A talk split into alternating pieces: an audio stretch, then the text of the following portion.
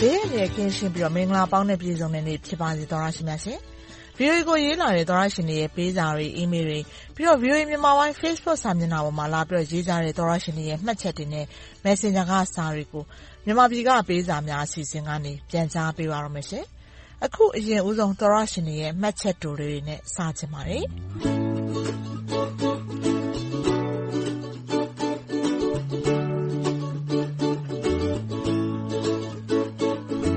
VOA အစီအစဉ်တွေကိုသဘောကျပါတယ်ဆိုပြီးရေးလာတဲ့သောတရှင်ကတော့နဂိုလှိုင်းဒိုမီတာရေဒီယိုခေတ်ကတည်းကနေအခုအင်တာနက်ဖုန်းတွေခေတ်အထိပါပဲလို့ဆိုလာပါတယ်။မင်္ဂလာပါ VOA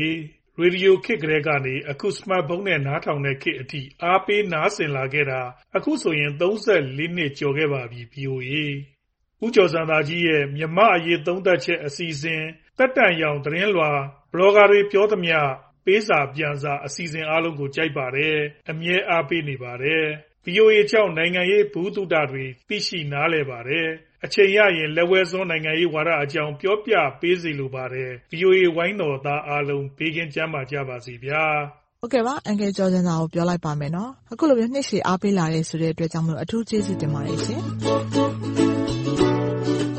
VOA ကိုရေးလာကြတဲ့သောတရှင်တွေရဲ့စာတွေထဲမှာမြန်မာနိုင်ငံကနိုင်ငံရေးအခြေအနေတွေ၊နောက်ပြီးတော့နေ့စဉ်ကြုံတွေ့နေရတဲ့လူမှုရေးရာကိစ္စအဝဝနဲ့ပတ်သက်ပြီးကိုယ်ပိုင်ထင်မြင်ယူဆချက်တွေကိုရေးလာကြတဲ့စာတွေကိုလည်းလက်ခံရရှိတာပါ။အဲဒီထဲကစာတစောင်ကတော့ဒီတပတ်ဖော်ပြပေးချင်တဲ့စာကမောင်မောင်ဆိုတဲ့သောတရှင်ရေးလာတဲ့စာဖြစ်ပါတယ်။ကမ္ဘာ့နိုင်ငံအသီးသီးကပြည်သူတွေနှစ်သစ်မှာမင်းကောင်းမင်းမြတ်နဲ့ရာသက်ပန်လျှောက်လှမ်းနိုင်ပါစေလို့ဆုပန်လိုက်ပါတယ်ဆိုပြီးဆုတောင်းပေးလာပါတယ် စစ်ကောင်စီဥက္ကဋ္ဌ နှုတ်ကထွက်တာကတော့ သူတော်စင်တွေတောင် သူ့လိုမပြောနိုင်ဘူး။လုပ်သမျှကြည့်လိုက်ရင်တော့ ဘာတခုမှ ပြည်သူအကျိုးမရှိတဲ့ အလုပ်တွေ လုပ်နေတယ်။အခုလည်းကြည့်ဗျာ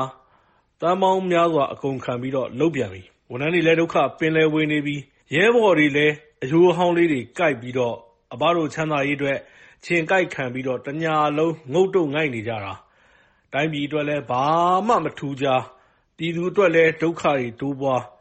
သူတို့အတွက်ကတော့ သိန်းသန်းမက တိုးပွား။ရင်နာစရာ ကမ္ဘာမှာ မြန်မာပြည်ပဲ ဖြစ်နေလားဗျာ။ကြုံတွေ့နေရတဲ့ အခြေအနေအပေါ်မှာ သူ့ရဲ့ ထင်မြင်ယူဆချက်ကို ရေးပြလာတာပါ။နောက်ထပ် သောတရှင်တယောက်ကတော့ မြန်မာနိုင်ငံက အညာဒေသတခုမှာ အခုလက်ရှိ ကြုံတွေ့နေရတဲ့ လုံခြုံရေး၊ပြည်သူတွေရဲ့ ဘေးဒုက္ခနဲ့ ပတ်သက်ပြီးပြောပြချင်ပါတယ်ဆိုပြီးစာရေးလာတာ ဖြစ်ပါတယ်။ဒီသောတရှင်က ကျနော့်ရဲ့နာမည်ကို လုံခြုံရေးအရတော့ မပြောဖို့ တောင်းဆိုပါတယ်တဲ့။သူက စစ်ကိုင်းတိုင်း ထီးချိုင့်နယ်က အဖြစ်အပျက်တွေကို ရေးလာပါတယ်“ ကျနော်တို့ စစ်ကိုင်းတိုင်း ထီးချိုင့်နယ်မှာ အခုချိန်မှာ အရမ်းကိုဆိုးရွားတဲ့ စစ်ရေးအခြေအနေနဲ့ ရင်ဆိုင်နေရပါတယ်။ကျနော်တို့နယ်ဘက်မှာ အင်တာနက်လိုင်းတွေ ဖြတ်တောက်ခံထားရလို့ သတင်းအမှောင်ချခံထားရပါတယ်။လေးသာ၊အလယ်တော၊ဆူးပုတ်ချောင်၊ပေါက်ကုန်း၊သခွတ်ချောင်၊ကြက်သရေချောင်း၊စက်တွင်း၊အင်းဒိန်၊ပေါက်ပင်ကွေ့၊ဇီးသောင် ဒီရွာတွေအပြင် အခြားရွာများစွာလည်း မီးရှို့ခံထားရပါတယ်။ စစ်သားတွေဟာကုလားမနိုင်၊ရခိုင် မဲဆိုသလို ရွာတွေကို မီးရှို့ဖျက်ဆီးနေတာပါ။ဒေသခံပြည်သူတွေဟာ ဘေးလွတ်ရာကို ထွက်ပြေးတိမ်းရှောင်နေကြရပါတယ်။စစ်ရေးအခြေအနေ ကောင်းသွားရင်တောင်ပြန်စရာဆိုလို့ အိမ်တွေ မရှိတော့ပါဘူး။လက်နက်ကြီးတွေနဲ့ ပစ်ခတ်ခဲ့လို့ထကုံးဘုန်းကြီးကျောင်းထဲမှာဝတ်နေကြတဲ့လူတွေ ဒဏ်ရာအများအပြား ရရှိခဲ့ကြပြီး၂ယောက်ကတော့ အသက်သေဆုံးခဲ့ရပါတယ်။မ ဆီမဆိုင်သော အင်းဒင်ရွာက အသက် ၈၀ အရွယ် အဖိုးအိုကိုလည်း ပစ်သတ်ခဲ့ပါသေးတယ်။တခြားရွာက လူတွေကိုလည်း တောင်ပေါ်မှာ ရက်ရက်စက်စက် သတ်ဖြတ်ခဲ့ကြတာပါ။အမှန်အတိုင်း ပြောရရင်တော့ ကျနော်ဟာ မြို့ပေါ်က ရေဘော်ဆီတွေကို မနာလို ဖြစ်မိပါတယ်။မြို့ပေါ်မှာက ဒီမိုကရေစီ ရနေကြပြီလား မသိပါဘူးဗျာ။ကျနော်တို့ စစ်ကိုင်းတိုင်းကတော့ အစွမ်းကုန်ကြိုးစားပြီး တိုက်ခိုက်နေချိန်မှာ သူတို့ကတော့ ကျောင်းတက်သူကတက်၊ရှိုးပွဲလုပ်သူကလုပ်နဲ့ဗျာ။အဆင်တွေ ပြေနေလိုက်ကြတာ။ ဘာပဲဖြစ်ဖြစ်ဗျာ ကျနော်တို့ပို့တဲ့စာကို ဖတ်ပြဖြစ်ခဲ့ရင်တော့ ဝမ်းသာမိမှာပါ ဒီသောတရှင် စစ်ကိုင်းတိုင်း ထီးချောင်းနယ်က ပြည်သူတွေ ရင်ဆိုင်နေရတဲ့ စစ်ရေးအခြေအနေနဲ့ ပတ်သက်ပြီး ရင်ဖွင့်ရေးသားလာတာ ဖြစ်ပါတယ်။ VOA ဝိုင်းတော်သားများလည်း ကျန်းမာချမ်းသာကြပါစေလို့ ဆုတောင်းပေးပါတယ်တဲ့။အဲဒီလို ဆုတောင်းခံရတိုင်း ကျမတို့ အပြစ်ရှိသလို ခံစားရပါတယ်။လူတွေအကုန်လုံး ဒုက္ခရောက်နေကြတဲ့ အခြေအနေ ဒီစာတွေကို ဖတ်နေရတာနဲ့အခုဖော်ပြနေတဲ့စာ နည်းနည်းလေးတင်ပါတယ်ပေါ်လွင်နေပါတယ်ရှင်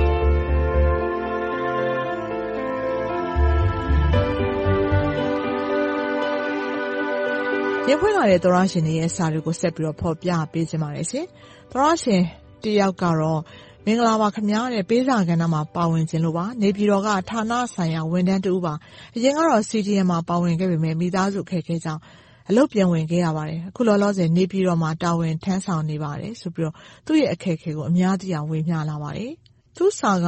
ကျမမှတ်မှတ်ရရပါပဲဇန်နဝါရီ၄ရက်မြန်မာနိုင်ငံကလွတ်လပ်ရေးနေ့မတိုင်ခင်လေးမှာရေးလာတဲ့စာဖြစ်ပါတယ် ကျွန်တော်ပြောချင်တာက အခု ကျွန်တော်တို့ ဝန်ထမ်းတွေဟာ လွတ်လပ်ရေးနေ့အတွက် ချီတက်လမ်းလျှောက်ဖို့ လေ့ကျင့်နေရတာတလကျော်ပါပြီ။မနက် ၃ နာရီခွဲလောက်က ထပြီး လေ့ကျင့်ကွင်းမှာ လေ့ကျင့်ရပါတယ်။တပတ်ကို ၃ ကြိမ်နဲ့ တရက် ၅ နာရီကြာအောင် လေ့ကျင့်ရပါတယ်။ဘာမဟုတ်တဲ့ လမ်းလျှောက်တာကို အရေးကြီးခွင်ကျယ်လုပ်ပြီး အချိန်ကုန်ခံ လေ့ကျင့်နေရတာကို တော်တော်လေး စိတ်ကုန်နေပါပြီ။အရမ်းလည်း ပင်ပန်းပါတယ်။တချို့ဌာနတွေက လမ်းလျှောက်ရတဲ့ ဝန်ထမ်းတွေကို နောက်ရက် အလုပ်မလုပ်ရဘဲ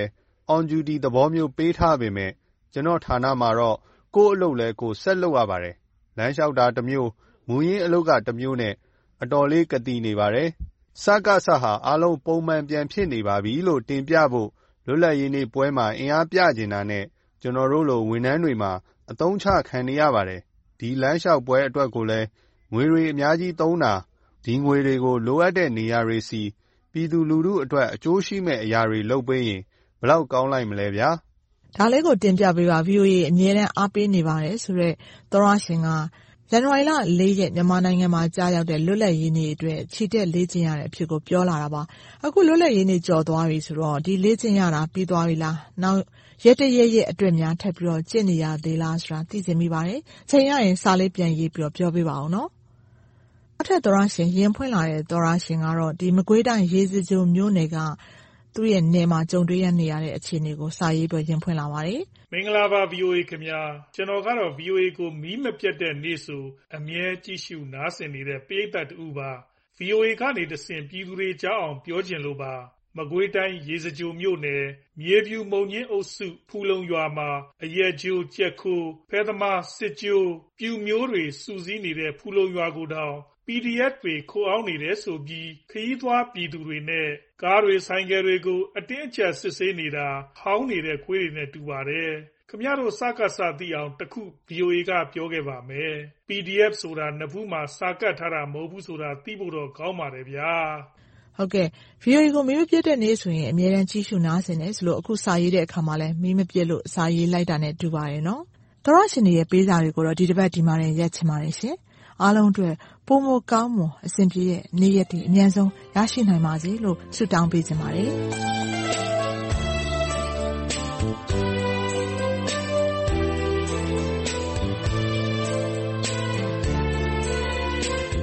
ကျမတို့ VOA မြန်မာပိုင်းရဲ့ရုပ်မြင်သံကြားနယ်ရေဒီယိုအစီအစဉ်တင်ဆက်မှုတွေနဲ့ပတ်သက်ပြီး အကြံပေးဝေဖန်ချင်တယ်။ပြီးတော့ကိုယ်တိုင်အတွေ့အကြုံနေရတဲ့ဖြစ်ပျက်တွေ၊နိုင်ငံရေးအခြေအနေတွေနဲ့ပတ်သက်ပြီး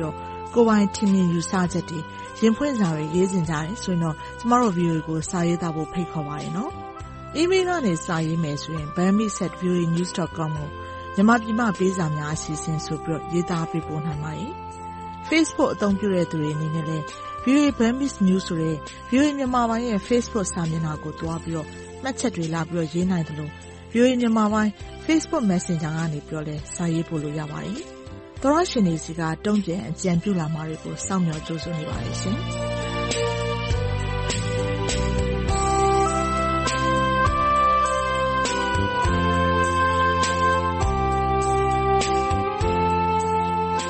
မြန်မာနိုင်ငံနဲ့နိုင်ငံတကာကရေးသားပေးပို့လာတဲ့ VOA မြန်မာပိုင်းသောတရှင်တွေရဲ့ဝေဖန်အကြံပေးစာတွေ၊ရင်ဖွင့်စာတွေနဲ့ဒေသချင်းတောင်းလွှာတွေကို တနင်္ဂနွေနေ့ညပိုင်းနဲ့တနင်္လာနေ့မနက်ပိုင်းအချိန်တွေမှာမြန်မာပြည်ကပေးစာများအစီအစဉ်ကနေထုတ်လွှင့်တင်ဆက်ပေးနေပါတယ်။ရေဒီယိုကနေဖမ်းယူနားဆင်နိုင်တဲ့အပြင်ရုပ်မြင်သံကြားကနေပြီးတော့လည်းထုတ်လွှင့်ပေးနေသလို VOA မြန်မာပိုင်း Facebook စာမျက်နှာနဲ့ YouTube စာမျက်နှာတို့ကနေပြီးတော့လည်းထုတ်လွှင့်ချိန်နဲ့တပြိုင်နက်တည်းတိုက်ရိုက်နားဆင်နိုင်ပါတယ်။လွှင့်ထုတ်ပေးခဲ့ပြီးတဲ့အစီအစဉ်တွေကို Facebook နဲ့ YouTube ပေါ်မှာပြန်ပြီးတော့နားထောင်နိုင်သလို VOA Internet စာမျက်နှာနဲ့ဖုန်းပေါ်က VOA App တွေမှာလည်းသွားပြီးတော့နားထောင်ကြည့်ရှုနိုင်ပါတယ်။ ကျမတို့ရဲ့ VOA App နာမည်က VOA Burmese ဖြစ်ပါတယ်။ကျမတို့ရဲ့ Internet စာမျက်နှာလိပ်စာက burmese.voanews.com ဖြစ်ပါတယ်။ကျမအေးသန္တာကျော်ပါ။ VOA ကိုလည်းစာရေးကြပါအောင်နော်။သောရရှင်တွေအားလုံးဘေးအန္တရာယ်ကင်းရှင်း၊ရွှင်လန်းချမ်းမြေ့ကြပါစေရှင်။